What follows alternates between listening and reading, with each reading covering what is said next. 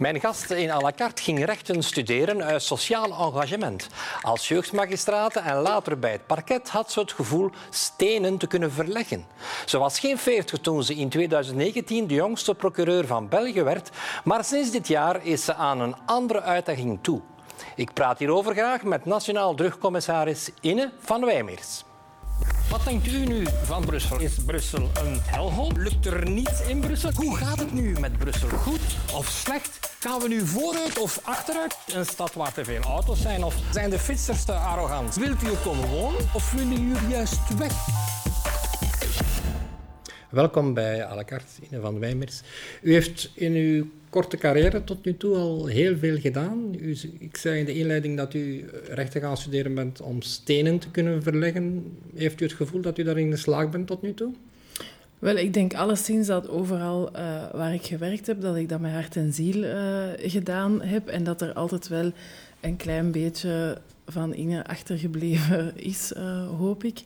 Uh, dat is toch altijd mijn ambitie uh, geweest. Dus ik durf wel terug te kijken met het idee dat ik toch ja, overal waar ik kwam. U heeft op het parket gewerkt. Ja. U heeft ook gewerkt rond de aanslagen in. Wel, in Parket Brussel ben ik begonnen als jeugdmagistraat. Wij waren eh, we hebben daar toen ook de hele splitsing meegemaakt, ook de eerste vertrekkers naar Syrië uh, bijvoorbeeld. Dus dat waren best wel intense, intense tijden onder niet evidente omstandigheden. Ik ben daar ook woordvoerder geweest. na de aanslagen ben ik gedelegeerd naar het federaal parket om de, de coördinatie van de identificatie van de dodelijke slachtoffers uh, te, ja, op mij te nemen en ook uh, samen met een collega de opvang van nabestaanden te organiseren. Natuurlijk, de mensen op het terrein deden het effectieve werk, maar vanuit de magistratuur moest er toch het kader uh, gecreëerd worden waarbinnen dat zij optimaal konden functioneren. Ik denk wel dat dat gelukt, uh, dat maar dat nu is. heeft u dus iets, een nieuwe job aanvaard, bovendien een job die ervoor nog niet bestond. De evidente vraag natuurlijk is, waarom heeft u dat aanvaard om drugcommissaris te worden? Wel, het drugprobleem en de strijd tegen de georganiseerde misdaad is voor mij... Uh, een van de veiligheidsprioriteiten waar ons land vandaag moet op inzetten. En als je dan daarin ook een steen kan proberen te verleggen, een deel van de oplossing kan zijn, dan denk ik dat het een trein is die je niet voorbij mag laten rijden, maar dat je die kans met twee handen moet grijpen. Maar het is een ongelooflijk ingewikkeld probleem. Tot, tot voor kort leek het wel dat echt de, de gewelddadigheid zich in Antwerpen situeerde. Maar als ik even het rijtje afga, wat er de laatste jaren gebeurd is in Brussel, is niet min, met natuurlijk als triest hoogtepunt een paar dagen geleden nog een aanslag in, in Matonge, mm. in, uh, in Brussel-Elsene. En natuurlijk de spectaculaire aanslag in de Wailierstraat in Anderlecht, een drukke, heel gemoedelijke familiale uh, winkelstraat. Dat begint toch een beetje vreemd te worden, dat je zulke aanslagen krijgt in het, in het gewone stedelijk mm. kader, ook vorig jaar nog op de Broekeirenplaats. Dat is toch ernstig? Dat is absoluut ernstig. En dat is ook denk, de reden waarom ik denk dat we alle zeilen moeten bijzetten om een gecoördineerde aanpak van die strijd tegen de georganiseerde criminaliteit te organiseren. In Brussel zien we eigenlijk een stijging van het geweld sinds 2018. De federale gerechtelijke politie heeft daar heel duidelijk zicht op. Het is niet dat de politiediensten op het terrein het niet weten, maar er was niet zo heel veel aandacht voor. Dat moeten we er toch bij zeggen. Eigenlijk na de aanslagen van 2016 waren er heel weinig zware wapens uh, op het grondgebied van maar Brussel. Maar dat is weer gestegen. Ja, omdat eigenlijk toen niemand geassocieerd wou worden met terrorisme. En dus was men bang als men met een oorlogswapen zou aangetroffen worden van gelinkt te worden aan terrorisme. Na twee jaar uh, is die angst een beetje gaan weghebben en hebben nieuwe drugsklans weer uh, zich gemanifesteerd op het Brussels grondgebied. En dat gaat ook gepaard met een toename aan vuurwapens, niet alleen vuurwapens, maar ook heel wat messen, want er zijn ook heel wat steekincidenten. De federale gerechtelijke politie van Brussel laat mij weten dat ze sinds begin dit jaar al negen dodingen rechtstreeks kunnen linken aan het teruggeweld. En daar zitten natuurlijk niet de dossiers bij of de incidenten bij waarbij er niemand overleden uh, is. Was het echt nodig om een, om een aan te duiden alsof het plaatselijke politieke niveau zich niet van de ernst van de zaak of een beetje bang was misschien van Wel, onze rol situeert zich op uh, het coördinerende en het beleidsniveau. Uh, wat ik vaststel uit alle gesprekken die ik voer, is dat iedereen expert is in zijn domein en eigenlijk zeer goed werk levert in dat domein, maar dat er bruggen ontbreken. En dat dan, horen we wel eens vaker in de Belgische politiek, ja. Wel, onze staatsstructuur is niet de meest eenvoudige, maar dat betekent ook niet dat we die strijd zomaar moeten lossen. Integendeel, ik denk dat de regering ervoor gekozen heeft om te accelereren, om die strijd uh, ja, versneld en adequaat te gaan voeren. En ik denk dat het drugscommissariaat daarin een rol uh, te vervullen heeft. U mag niet van mij verwachten dat ik in een vingerknip de magische oplossing uit mijn hoed uh, tover. Maar het is wel zo dat er heel wat zaken zijn die overal op de plank liggen, waar nu niet echt iemand is mhm. om die in handen te nemen. En daar zien wij wel onze, ons nut. Een nieuw element waarover u het heeft gehad in verschillende interviews, is dat u ook vreest voor de corruptie. U heeft het gevoel ook dat de, de drugsmafia doordringt in de administratie. Uh, er, is, er was uh, vorig mm jaar een geval van valse paspoorten mm -hmm. in de stad, uh, bij de stad Brussel. Mm -hmm. u citeert ook een ambtenaar die werd geconfronteerd met een onbekende man die hem een foto van zijn gezin liet Wel, kijken. Dat... Wij weten waar u woont. Ja, dat is wel het, gevaarlijk. Het is, uh, dat is niet alleen mijn buikgevoel. Hè. Dat blijkt ook uit een dossier zoals het Sky-dossier, waarbij we eigenlijk uh, zicht... Ja, we hebben in dat onderzoek eigenlijk zicht gekregen op de communicatie tussen criminelen. Hè. Er is niemand die zo'n telefoon met die applicatie Sky op had die niet gelinkt is aan het criminele uh, milieu. Wel, als we hebben kunnen meelezen met de criminelen, dan is daar heel duidelijk uit gebleken dat geen enkele organisatie, is het nu een overheid of een private firma of iets ertussenin, vrij is van het risico op corruptie, op infiltratie van de onderwereld in de bovenwereld. En dan moeten echt wel al onze alarmbellen afgaan, want als het criminele milieu het legale, de legale structuren infiltreert, ja, dan staat de integriteit van ons land eigenlijk uh, op het spel.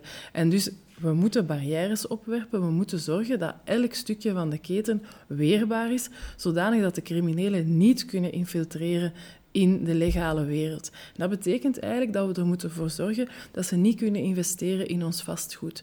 Dat ze, niet, uh, dat ze geen vergunningen kunnen krijgen om handelszaken uh, uit te bouwen. Maar hoe, hoe kan je dat controleren? Hoe kan je weten dat, dat er malafide investeerders zijn in vastgoed bijvoorbeeld? Wel, er zijn natuurlijk een aantal alarmbellen die kunnen afgaan. Als mensen cash een aantal zaken willen betalen die normaal gezien die cash betaald worden, dan zouden de wenkbrauwen al moeten fronsen. Als mensen plots een zaak willen openen waar eigenlijk nooit een kat uh, zit, ja, dan weten we eigenlijk allemaal, wij zeggen dan dat is louche. Wel, als je dat gevoel hebt dat dat louche is, dan zal dat waarschijnlijk ook wel zo zijn. En dan moet je natuurlijk besturen ervan overtuigen om zeer omzichtig met hun vergunningsbeleid uh, om te gaan. Dat is een deel van de oplossing. En dat is nu net Wanneer een probleem complex is, dan is er niet één oplossing die één effect uh, zal hebben. Dan moeten we eigenlijk op verschillende fronten tegelijk actief zijn. En ik gebruik graag het beeld van de acupunctuur, dat je moet heel gericht naaldjes gaan zetten die een zo breed mogelijk effect hebben. En een van die naaldjes zou bijvoorbeeld de creatie van een drugsfonds kunnen zijn. dat betekent dat we het geld van de criminelen willen investeren, eigenlijk teruggeven aan de maatschappij. En ze worden eigenlijk... Dus het geld dat in beslag genomen is, dat u zou willen gebruiken... Geld dat in beslag genomen is, dat kan dat momenteel wettelijk? Is. Kan dat? Op dit moment is daar geen wettelijk kader voor in België. Maar in veel van de ons omliggende, omringende landen is er dat wettelijk kader wel, ook in landen die een stuk verder liggen, zoals Nieuw-Zeeland, Canada, Verenigde Staten. En wat we nu op dit moment doen, is eigenlijk een voorstel presenteren aan de verschillende regeringspartijen om te zeggen, kijk, op die manier kunnen we het geld van boetes, van minderlijke schikkingen, van inbeslagnames en verbeurdverklaringen opnieuw investeren in al die partners die samen de strijd tegen die georganiseerde misdaden aangaan. En dat is dus niet alleen in politie en justitie, maar het overgrote deel moet naar geestelijke gezondheidszorg gaan. Want als je mensen een alternatief biedt voor de problemen waar ze mee kampen, als de wachtlijsten uh, afnemen en als er hulp is op maat van iedereen die hulp nodig heeft, zullen mensen veel minder snel neigen naar roesmiddelen om de situatie te vergeten. Ja, maar er is iets ook, het is een uitdrukking uh, waartegen u ook heeft gefulmineerd, de party drugs, mhm. waarbij uh, cocaïne eigenlijk in bepaalde middels sociaal geweldig aanvaard is, zoals mhm. joints ook aanvaard zijn. U heeft daarin een zeer radicaal standpunt. U, Wel, er is een enorme banalisering, een banalisering. gaande op dit moment. Hè.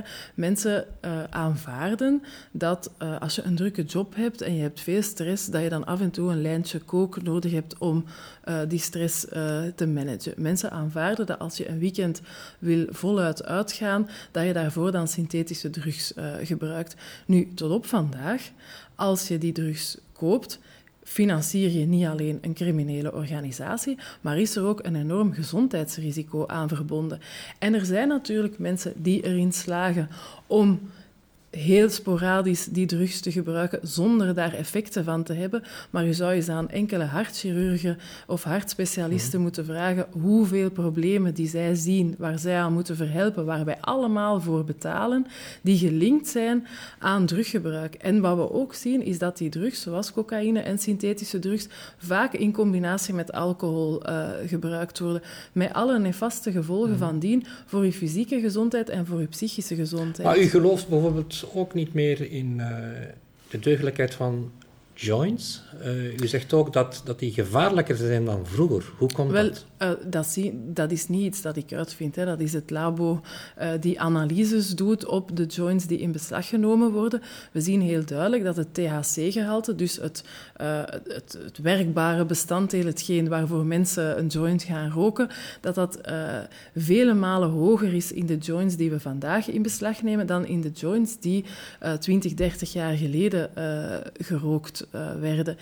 En dat is ook de kritische blik die we moeten hebben naar het hele legaliserings- of decriminaliseringsdebat dat blijft een politieke beslissing, maar mensen moeten wel correct geïnformeerd worden. Al wanneer we als overheid zouden legale cannabis produceren en joints op de markt zouden brengen, dan zal het THC-gehalte daarvan, waarvan men zal zeggen dit is niet schadelijk voor de gezondheid, een heel pak lager liggen dan het THC-gehalte van de joints die vandaag op de zwarte markt verkrijgbaar zijn. Dus u vreest dat zelfs met een legalisering er altijd een zwarte markt... Ja, dus legalisering, lost niets op. zal dus. nooit een antwoord zijn op de georganiseerde criminaliteit en het geweld dat daarmee gepaard gaat. Legalisering is een beleidskeuze.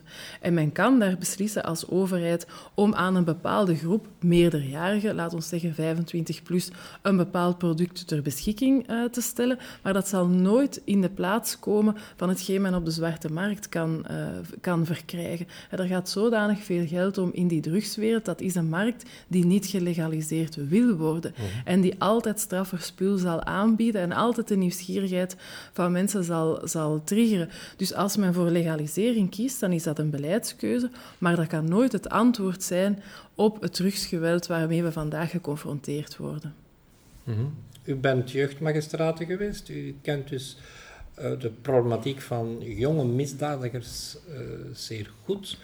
Wat we in Brussel uh, merken natuurlijk bij, bij, het hele geweld, is dat er ja, de diensten van jonge mensen worden ingehuurd voor heel mhm. veel geld door die, mm -hmm. door die bendes. Ik herinner me een incident in Sint-Gilles, uh, ongeveer een uh, zes maand geleden, waarbij dealers uh, werden opgepakt door de politie en in geen tijd er, er, een paar jeugdbendes klaar stonden om die agenten in het ziekenhuis te kloppen. Dat is toch verontrustend ook. Dat is absoluut verontrustend. En we moeten, denk ik, als samenleving de zorg opnemen voor diegenen die in de meest kwetsbare posities zitten.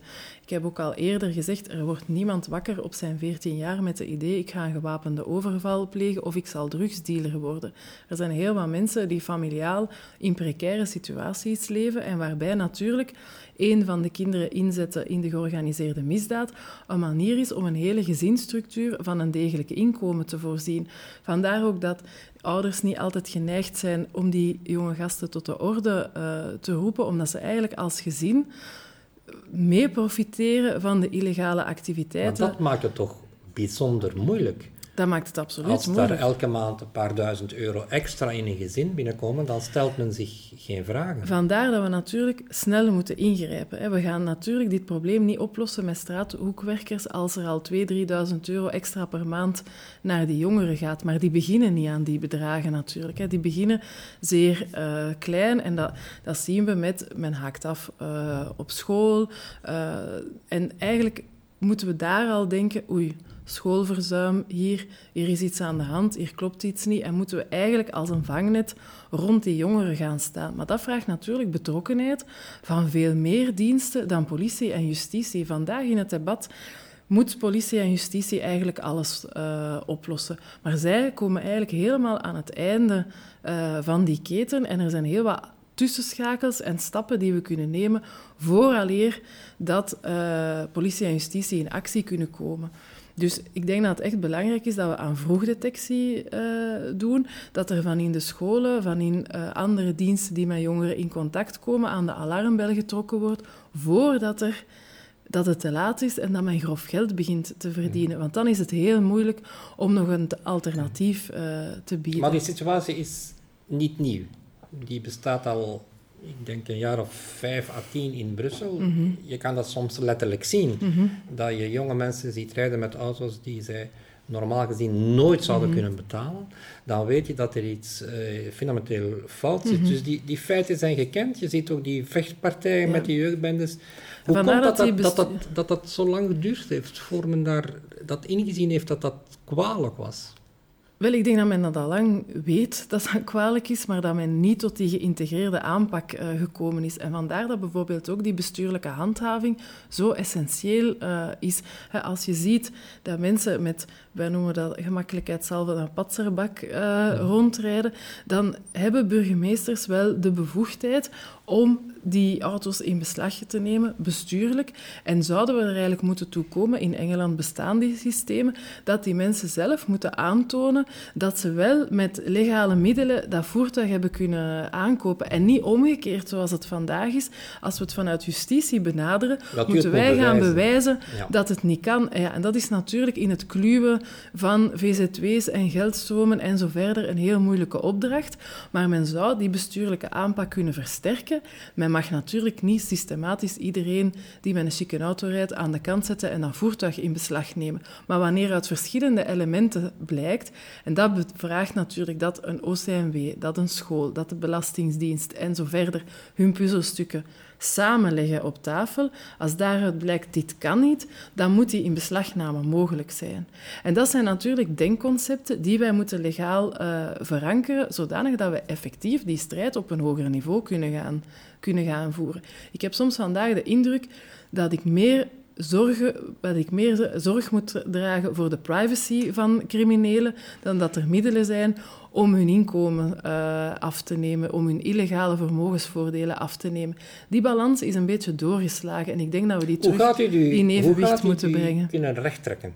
Die balans. Door, door concrete beleidsvoorstellen te doen, zo, zoals bijvoorbeeld die inbeslagnames met de, om, de omkering van de bewijslast. Is daar een politieke meerderheid voor, denkt u? Wel, we gaan daar alleszins alles aan doen om daar draagvlak voor te creëren. Maar je moet, we moeten goed beseffen dat wij degene zijn die ons parlement uh, verkiezen. Dus als burgers daarom vragen, dan he, krijg je meteen ook een grotere bereidheid van de politici, die toch een mandaat krijgen van de burgers, om daar uh, werk van te maken. Het zijn ook die burgers die zouden kunnen zeggen, we houden op met kook te snuiven.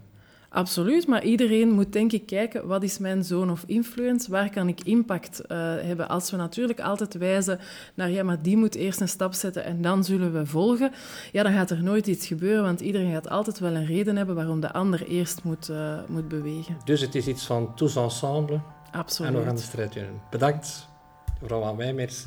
Volgende week zit uh, Melina hier. Goedenavond en tot kijk.